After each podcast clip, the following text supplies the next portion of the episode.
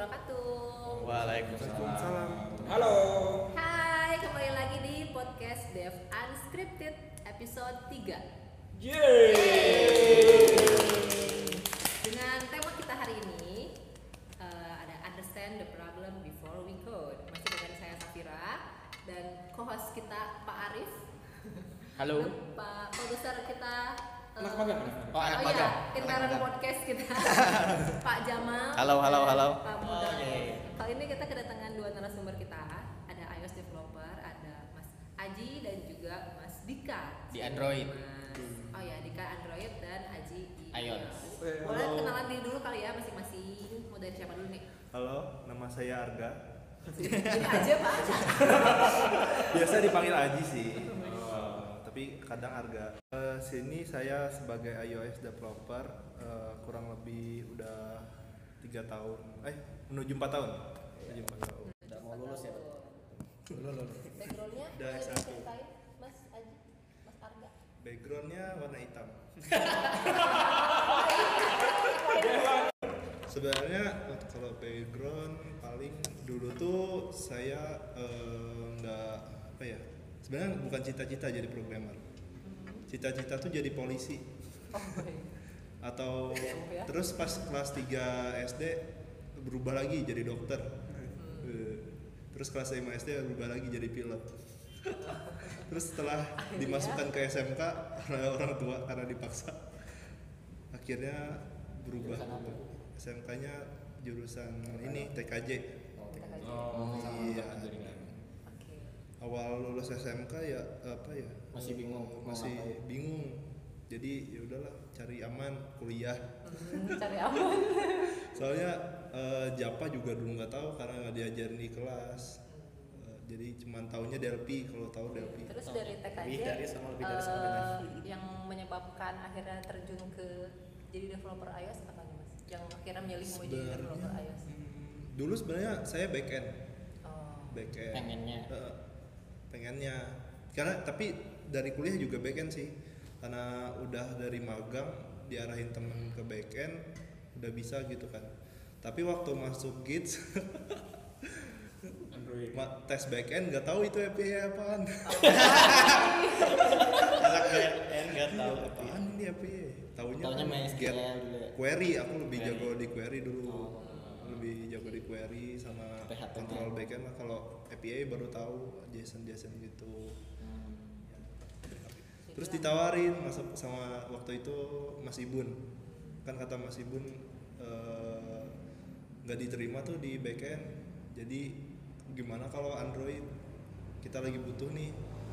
Awalnya mikir laptop kecil banget netbook ya udah deh dicoba terus nyoba di netbook itu install Android Studio. Ngeheng. Simulatornya pasti ya. langsung error. terus ditawarin lagi sama HR kamu mau nggak jadi iOS baru berapa bulan gitu jadi Android kalau nggak salah. Mau nggak jadi iOS katanya profitnya tinggi. Hmm, boleh deh. Yaudah langsung dicoba tuh pakai Mac Mini. Dulu Mac Mini itu nggak lemot. Karena expertnya mungkin kali ya Ya. terus nyobalah seminggu bikin aplikasi Ya, majalah lah kayak Jenisnya. majalah Oh, iya, iya, iya. baca Oh. baca baca berita baca berita dulu tuh nah langsung dibawa tuh Mac Mini ke kosan ya udahlah ya udahlah situ ngebut tuh dia seminggu tapi habis seminggu itu dikasih project Android lagi Oh, karena ini project iOS-nya belum ada gitu kan. Habis dari itu ya udah ke iOS eh, ke Android dikasih project tiket. Terus eh, dulu pernah ke Banjarmasin juga sama waktu itu sama Mas Ray nah itu mulai double projectnya jadi dikasih iOS juga. iOS juga Android juga. Android juga dua jadi. Eh, sambil soalnya yang Android tapi akhirnya Android itu di- dipisahin. Nah mulai dari itu mulai ke iOS doang. Saya request sih request. Ya udah pindah pindah total ke iOS Dan sampai sekarang akhirnya developer Heeh. jadi developer iOS ya. Gitu. Kalau Dika gimana ceritanya Dik? Lo Panjang banget ya Lama ngoding ya? eh, dari dari Eh, masih dari kecil, bayi. masih Masih jigot. Lahir langsung coding. Dulu waktu dari dalam bentuk janin dulu waktu SMP kelas 1 kelas 2 tuh sering banget mobile main game online. Oh. Ya ada main. Tiap hari itu sampai tiga bulan gak masuk sekolah gara-gara main game online. Apa? Serius ya Allah. Serius, serius, serius. Anak warnet kayaknya kita sama terus, di, kayaknya terus dipindahin lah ke Kuningan di rehab dan di Kuningan tuh ternyata walaupun dia di kota terpencil teman-temannya tuh suka main game offline tapi suka di modding kayak ngeganti Oh. aset ganti mungkin ngebuat script yang asal kopas tapi ya udah Terus ada setup Dota server sendiri. Oh, enggak sih. Itu dulu main ini GTA San Andreas. Jadi kayak kita nge-custom Udah Mod, ya. unscripted gitu. nge-custom kayak skin, script gitu-gitu sampai ayah lihat kayaknya mendingan ke SMK lah. Padahal waktu itu pengen banget masuk SMA 1 yang di Dago tuh atau enggak SMA 20. yang favorit pasti SMA ya 20 Bandung ya, soalnya teman-teman udah pada ke sana. kayaknya kehidupan kita sama Iya, dan dan ayah tuh langsung nge-force suruh masuk ke SMK. SMK. Masuklah ke RPL. Paksa Dulu waktu kelas 1 tuh sebenarnya pusing banget pemrograman dasar tuh. Ini tuh apa maksudnya gitu. Dan entah mengapa di satu ujian tuh ngerjain flowchart kayak ada ilham dari Allah gitu. Terus Baik. langsung ngerti gitu. Oh, flowchart tuh ternyata gini, gini gini gini gini. Terus sampai ngoding sana tuh tiba-tiba paham aja. Ngoding itu tiba-tiba. Wah. Itu masih kelas Itu kelas 1, kelas 1 SMK. SMK. Oh. Ya, kelas 1 SMK atau kelas 10 lah, kelas 10. Itu gara-gara ngerjain flowchart waktu itu ada ujian. Padahal di- dijelasin sama temen yang sekarang tuh udah gak, gak, gak kerja lagi di bagian IT gitu. Dulu ngerjain ngejelasin ke saya gini gini gini, oh jadi ngerti. Ya, gitu. Terus eh, beberapa tahun ngoding web, tapi di SMK 4 tuh banyaknya semuanya web. Jadi kayak kalau persaingan tuh banyak banget Hmm.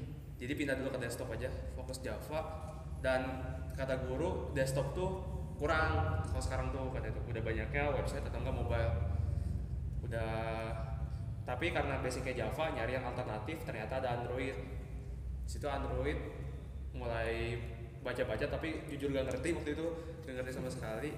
Terus ada program Indonesia Android Kejar waktu itu Hmm. dari Google. Ikutlah dan fasilitatornya eh CTO di Git sekarang. Mas Udar. Sudah. Iya Mas Udar. Jadi yang ngajarin saya Android dari awal tuh sebenarnya Mas Udar cara membuat button gimana apa pakai button gimana ngeklik gimana itu Mas Udar dari awal? Udah gitu eh, lanjut juga magang di Git banyak banget pengalaman dibimbing sama Mas Ray, Mas Ibun sama Mas Udar.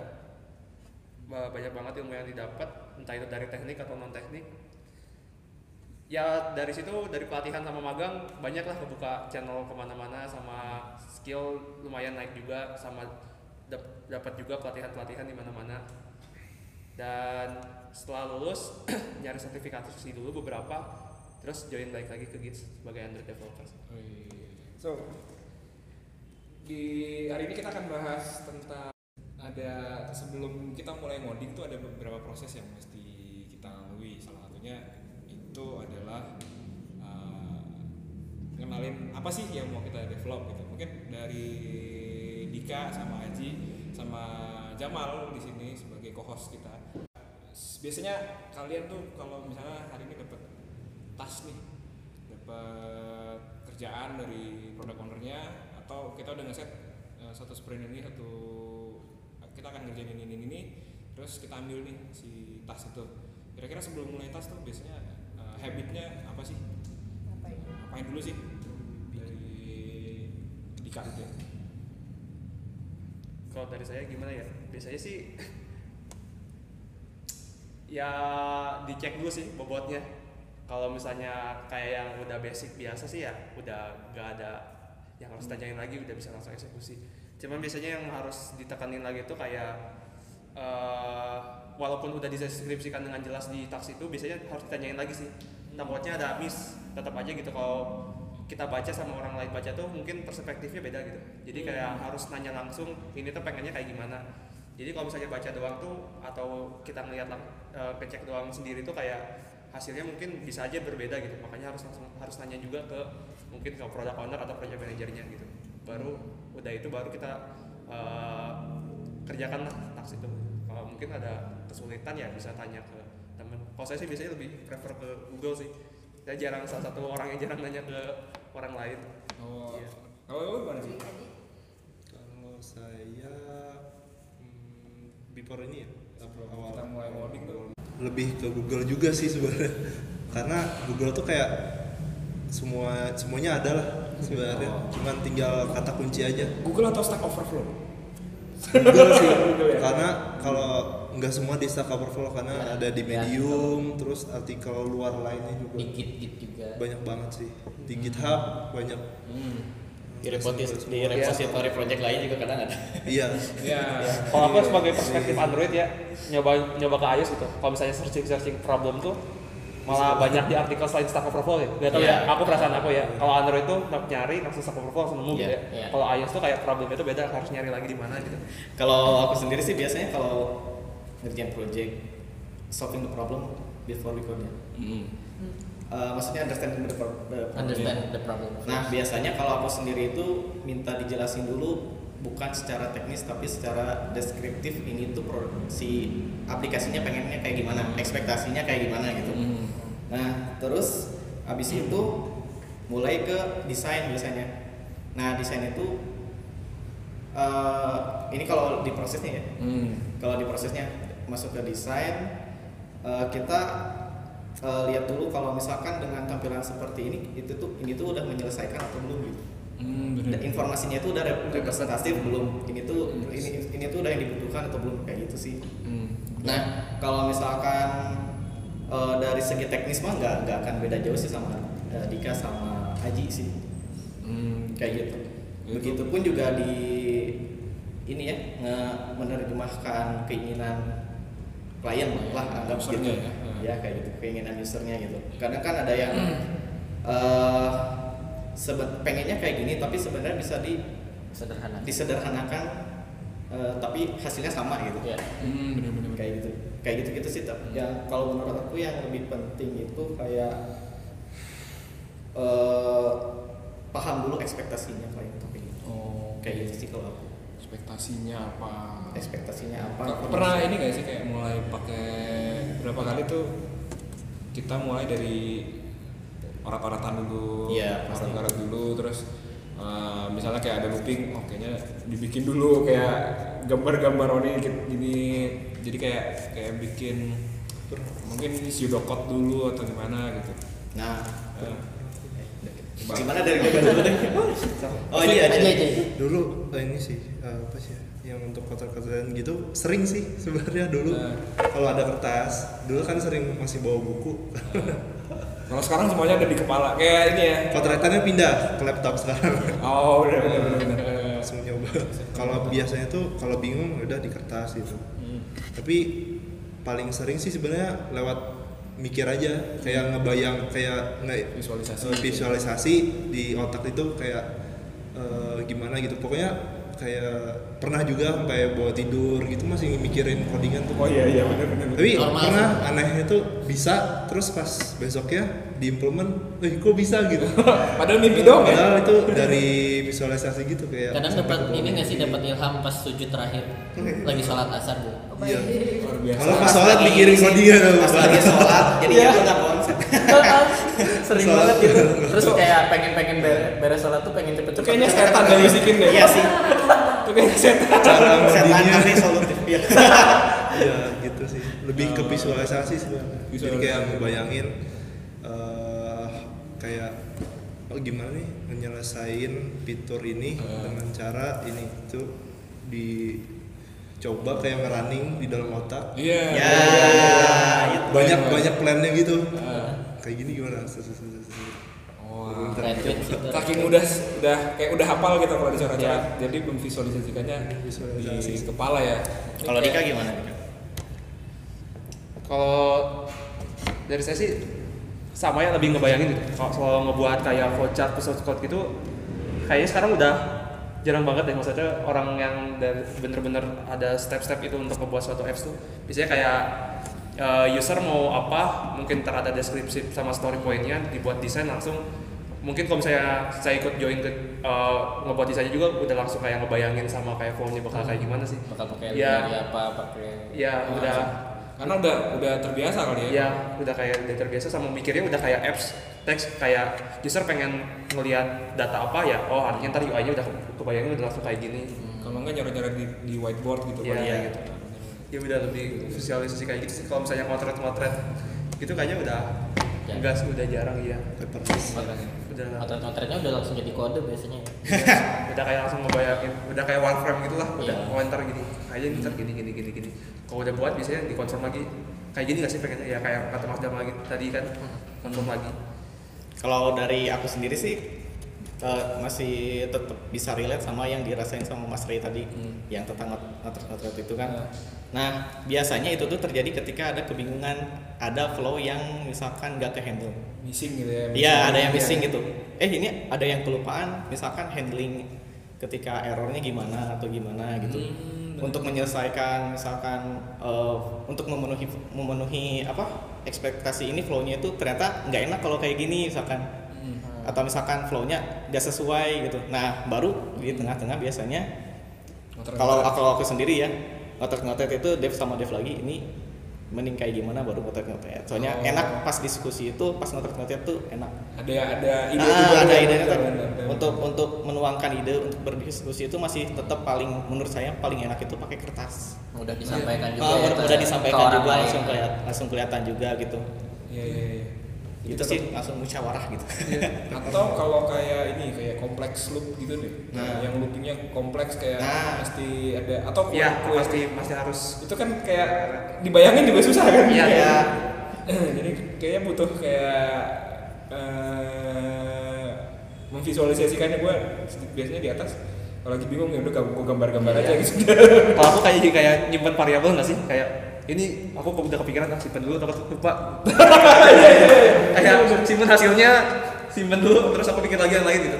Biasanya kalau misalnya mikir yang lain eh tadi berapa ya gini suka cancel gitu. Iya sih soalnya emang emang apa sebuah fakta kalau misalkan ketika seseorang mengandalkan ingatannya itu kayak nggak bisa dipercaya gitu. Ingatan kita itu nggak bisa dipercaya gitu. Soalnya kita udah mikir apa oh Iya, ya nanti inget nanti inget nanti inget minimal ya kita ditulis dulu gitu. Kalau pasti lupa. Gitu terus atau pengen capek nih pengen pulang tadi misalnya sampai ke bawah ke bawah tidur tuh biasanya kalian nge-save kerjaan yang belum selesai dibawa pulang tuh gimana biasanya? itu kepikiran terus ya biasanya biasanya walaupun udah pulang juga di jalan tuh tetap aja kayak Iya. iya Ka- Kalau refraktor gimana refraktor? Kebiasaan ngerefraktor kode supaya jadi bagus lagi. Hmm, biasanya sih ini nggak tahu ya ya apakah teman-teman programmer yang lain sama atau enggak? Nah. biasanya kita ngebuat suatu ngebuat A nih. Ya. dari awal oh udah enak dan lama-lama tuh kok makin aneh makin aneh. Terus kita kayak wah ini kayaknya salah. Kita harus buat yang kita kalau misalnya ntar ngerjain yang B kita harus bu- ngebuatnya kayak A B C A B C. Jadi maksudnya tuh jangan sama sampai sama kayak A. Kayak udah ada rasa mumet ah pengen mulai yang baru lagi aja. Terus Oh. kita yang implementasiin yang udah yang kita baru-baru tahu gitu. Kalau aku sih kadang gitu kayak di A ngebuat misalnya kita ngerjain project A udah ngerjain terus nemu teknologi baru nemu teknologi baru terus yang rasa yang udah aku kerjain tuh salah semua gitu. Oh ini harus iya iya. mulai lagi baru di B harus caranya harus gini gini gini gini gini. Dan waktu di B juga gitu sama belajar baru lagi belajar baru lagi. Ah ternyata ini salah kecil lagi. Kayak selalu kayak gitu gitu.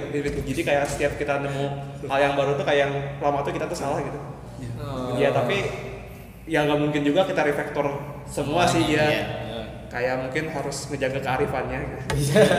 kearifan proyek itu ya Tapi Sang- kan kadang kalau- kondisinya kayak gitu jadinya eh, bisa jadi usernya nunggu lama buat eh, buat dapetin fitur yang dia inginkan. Jadi kayak PO-nya iya semua ada konsekuensinya sih Iya, ini kok belum selesai. Bentar mas, lagi udah ngulang tiga kali nih albumnya kemarin gitu ya. ya ya itu dilemanya sih kayak kalau sama refactor sama ini Bener-bener. tapi sebenarnya ya tergantung gimana base kita dari awalnya sih. Kadang kalau misalnya ya kan kalau misalnya dari sisi development kits dari awal kan khususnya di Android kan udah ada starter kit segala. Jadi kalau misalnya ada salah di atasnya yang penting core-nya nggak salah lah. Maksudnya tuh kayak nggak harus rombak banyak banget gitu ya Hmm. jadi kalau refactor nggak terlalu ngambil banyak waktu Apalagi kalau aplikasinya udah skalanya gede gitu, masa Iya. di rewrite dari awal semua. ya kalau itu kan nggak mungkin juga mungkin kayak disesuaikan aja disesuaikan Kayak aja. udah kita udah ngoding 6 bulan, aduh mas, 6 bulannya diulang lagi ya. gitu, karena kita baru tahu ternyata library-nya nggak scalable atau gimana. Iya.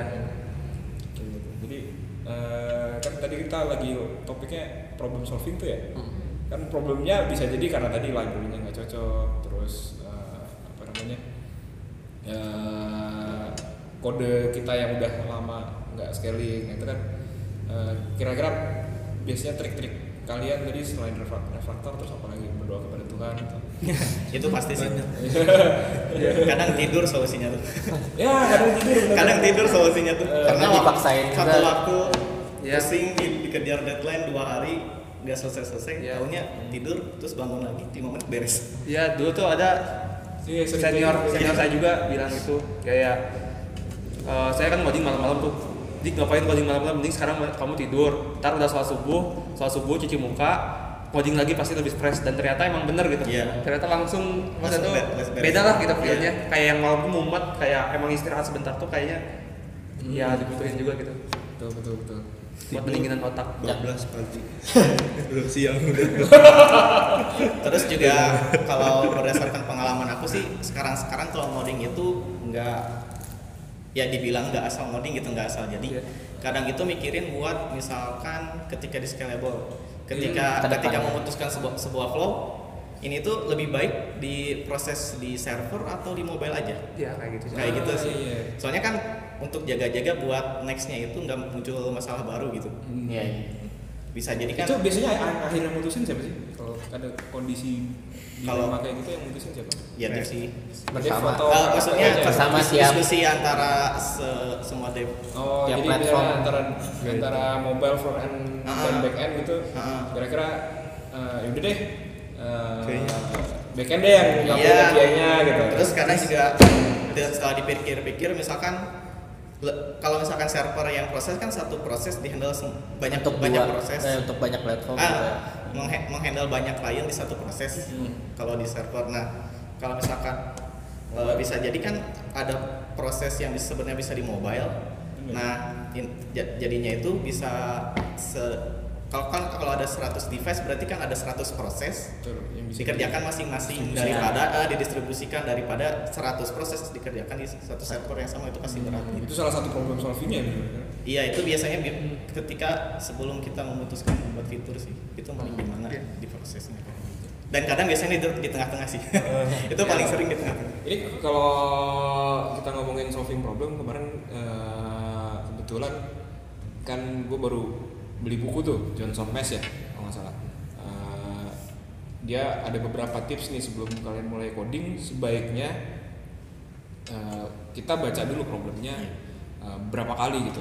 Minimal dua kali lah eh, dan benar-benar jadi tahu eh, sebenarnya si produk ini atau bahkan level tas tas yang dikasih ini ini mau ngapain sih?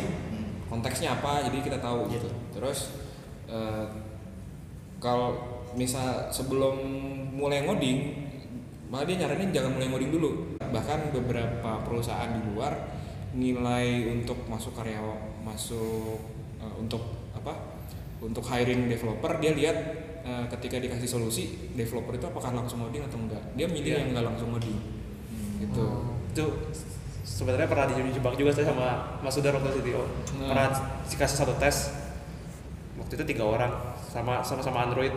Waktu itu karena merasa wah ini mah gampang langsung tes aja langsung ngerjain. Waktu ternyata Mas Sudar nilai biasanya sih orang-orang tenang dulu solving problem dulu lihat dulu jangan langsung. Emang ya karena mungkin ya biar di tengahnya juga udah ke inilah udah ke planning lah maksudnya itu gimana gimana nya kayak gitu sih. Kayak ya bagusnya tuh kayak kita jangan langsung eksekusi tapi kita kayak eh, apa sih? Eh, ya pikir coba pikir, pikir ya coba pikirin dulu ke step-stepnya gimana. Hmm, bener-bener kayak gitu, betul. Mungkin nanti ada hubungannya sama desain pattern juga. Iya.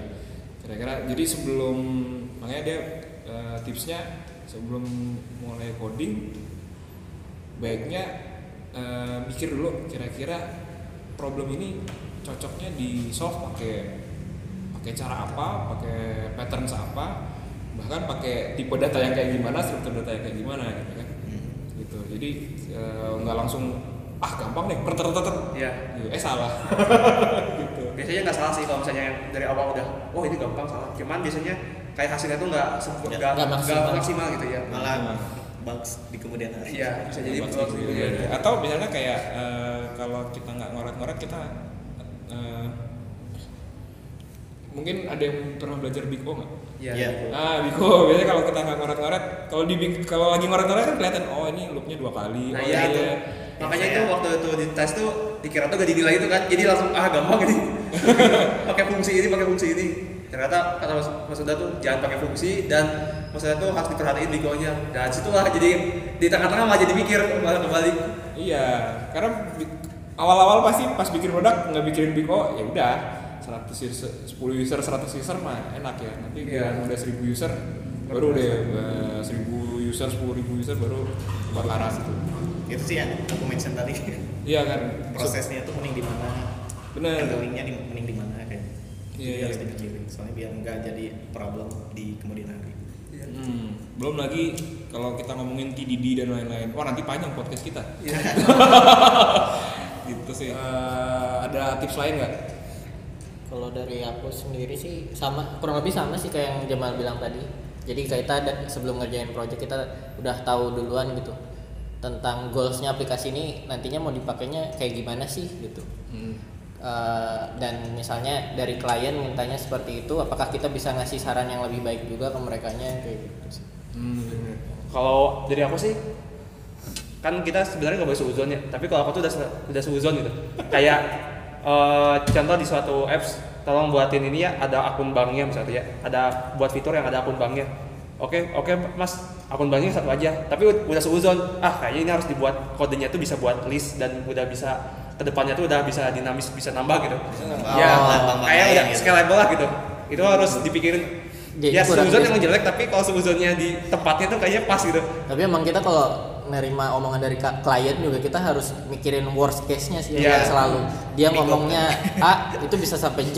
Ya, dan nggak tahu juga emang takutnya di real pasar atau di usernya itu emang emang butuh Iya. yang ke depannya itu. Nah, ya intinya ya. bikin bikin aplikasi yang scalable. scalable ya. Dan Jadi juga- kita harus mikirin jauh-jauh sih. Iya. Ya kayak nggak buat fitur, buat fitur aja gitu. Kita juga harus komunikatif juga sama kliennya gitu. Tiap ada pekerjaannya juga up- update ke mereka kayak gimana, kayak gini nggak gitu. Benar-benar.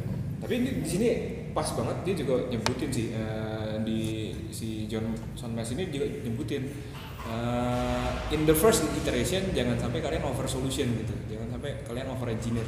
Hmm. Karena eh, most of the time solusinya solusinya sebenarnya simple banget. Iya, Mhm. betul. Maksud Itu itu kita- aja kan maksudnya. Sebenarnya ya, tapi kadang kita ya tadi ada suzonnya terus Iya. ada ada apa namanya? mikir lebih jauh ke Lebih depan. jauh, iya. Kadang memang itu kejadian, tapi most of the time eh, belum tentu juga ada juga, belum tentu juga. Oh, berarti intinya dia bilang Da- di first iteration jangan overthinking dulu. oh, Di Tapi setidaknya walaupun kita nggak implement, kita harus prepare kan. iya. Ya, ada. Makanya eh, penting juga buat prepare-nya kan supaya aplikasi kita nanti ketika dilanjutin kembali atau misalnya di iterasi selanjutnya kita mau rescale lagi eh, Big O kita udah oke Iya. intinya eh, algoritmanya nggak yang banyak tech debt-nya Harus nyiapin codingannya sedinamis mungkin untuk siap diapa-apain gitu. Hmm. Ya, sebenarnya udah banyak kayak kayak problem solving kayak misalkan pada ini pada susah apa eh, bikin form. Pada panjang kan ada validasi ini validasi ini. Nah itu saya udah bikin sebenarnya. Kayak validasi yang tinggal dipanggil doang.